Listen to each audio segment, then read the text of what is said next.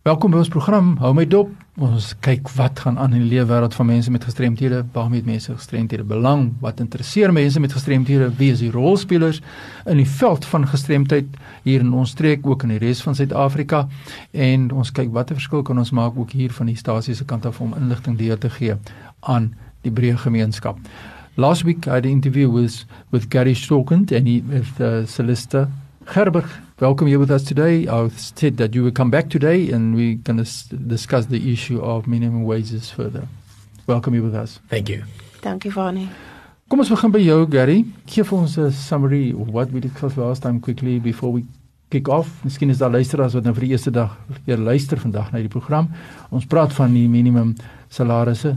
What is your recap of last week that we discussed? All right, so the National Minimum Wage Act is is having a devastating effect on businesses and who genuinely cannot afford to pay 20 rand per hour. It is resulting in retrenchments and in instances the closure of certain businesses. NPOs who rely on funding from the public and public donations are under extreme pressure to continue their operations. In terms of the welfare sector, we have already witnessed the closure of protective workshops, resulting in members of the most vulnerable families having to give up their jobs in order to care for those in need. Ja, dit is skokkend. Celesta, jy is van die vereniging van persone met gestremdhede in die Weskaap.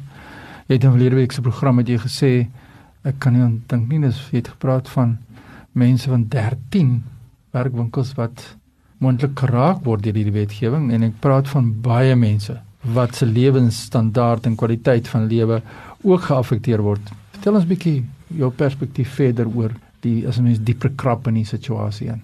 Wat ek dink dit is belangrik dat 'n mens daaraan dink dat dit is meer as net 'n werkie wat die mense doen in 'n beskermde werkswinkel. Baie van die kliënte wat na die werkswinkel kom kom om te sosialiseer. Hulle kry die geleentheid om lewensvaardighede te leer.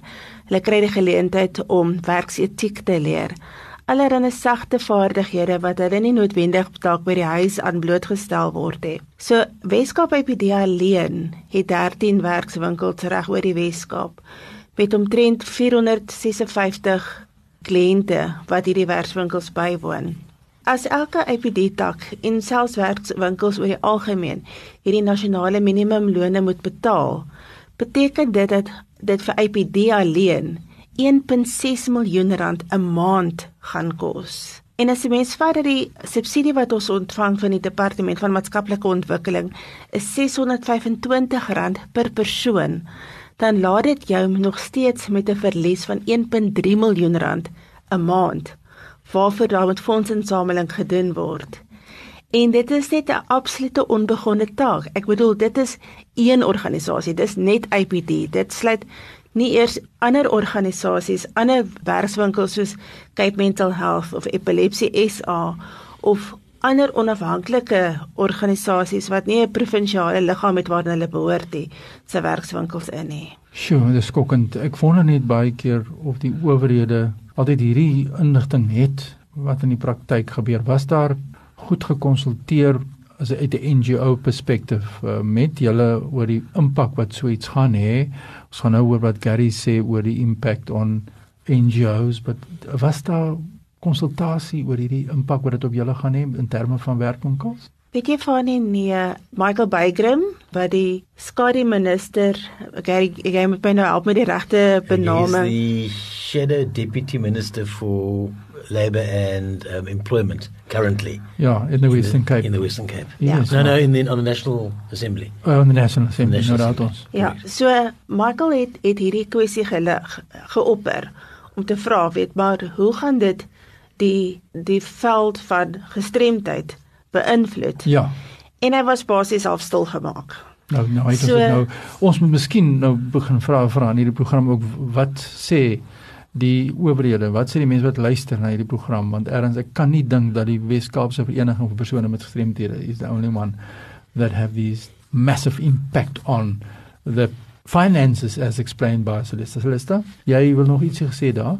Nee, ek ek stem saam met wat, wat met wat jy sê van ek dink nie dat daar is gekyk na die na die impak nie want soos wat Gary dit ook genoem het, baie mense moet gaan nou as perswinkels gaan moet sluit gaan behalwe vir dat die diens nie gaan voortgaan nie. Ja. Is dit dat baie mense gaan hulle werk moet opgee. Wat beteken daar's nou weer minder inkomste wat in 'n Ja. huishouding gaan inkom wat weer groter invloed gaan hê op armoede in ons Absoluut, gemeenskappe. absoluut. Gary, how NGOs oh, how are you addressing this issue? We we're close to the end of our program, but next week we're going to take this discussion further. But Right. NGOs, what is your personal perspective on the operation of NGOs in this regard? So there's two aspects to look at. The one is the operational staff, and the other one is actually the beneficiaries of the services, who are regarded by the by the National Minimum Wage Act as workers. Yeah. So we have a, a we actually have a double-edged sword over here. And we've got to look into the aspects of both. We're addressing at the moment with the Department of Labour the actual um, beneficiaries of the services who are getting a stipend for the work that they do. But they are legally or formally classed as workers because of, of the stipend they're getting. Yeah. So that's a that's a important thing to keep in mind. This is what we're actually fighting at the moment. Our prime drive at the moment is to get these beneficiaries reclassified as not to be workers. Goed, ons gaan hierdie proses of hierdie gesprek vandag beëindig hier en volgende week gesels ons verder oor hierdie saak. Ek dink wat baie belangrik is ons moet besef dat hierdie werkswinkels soos Celesta vir ons gesê het, is meer as net 'n werkwinkel. En dis hierdie mense is meer as net werknemers wat daar werk, soos wat Gary nou vir ons uitgewys het. En die struggle wat nou is en die onderhandelinge wat mense poog om aan te wend om hierdie proses dan te kyk hoe ons die proses verder kan vat. Die wet is daar en hoe vat ons die proses verder? Indien jy geraak is deur hierdie Minimum Wage Act en jy 'n NGO is en jy wil navraag rig, stuur e-pos aan my by fani.dt by mweb.co.za. Ek sal hierdie vrae van jou deurgee na kundiges. Natuurlik onthou ek is nie regskundige nie. Ons kan nie inligting gee aan mense wat elke dag deur geraak word met 'n wetlike perspektief. Ons groet tot volgende keer.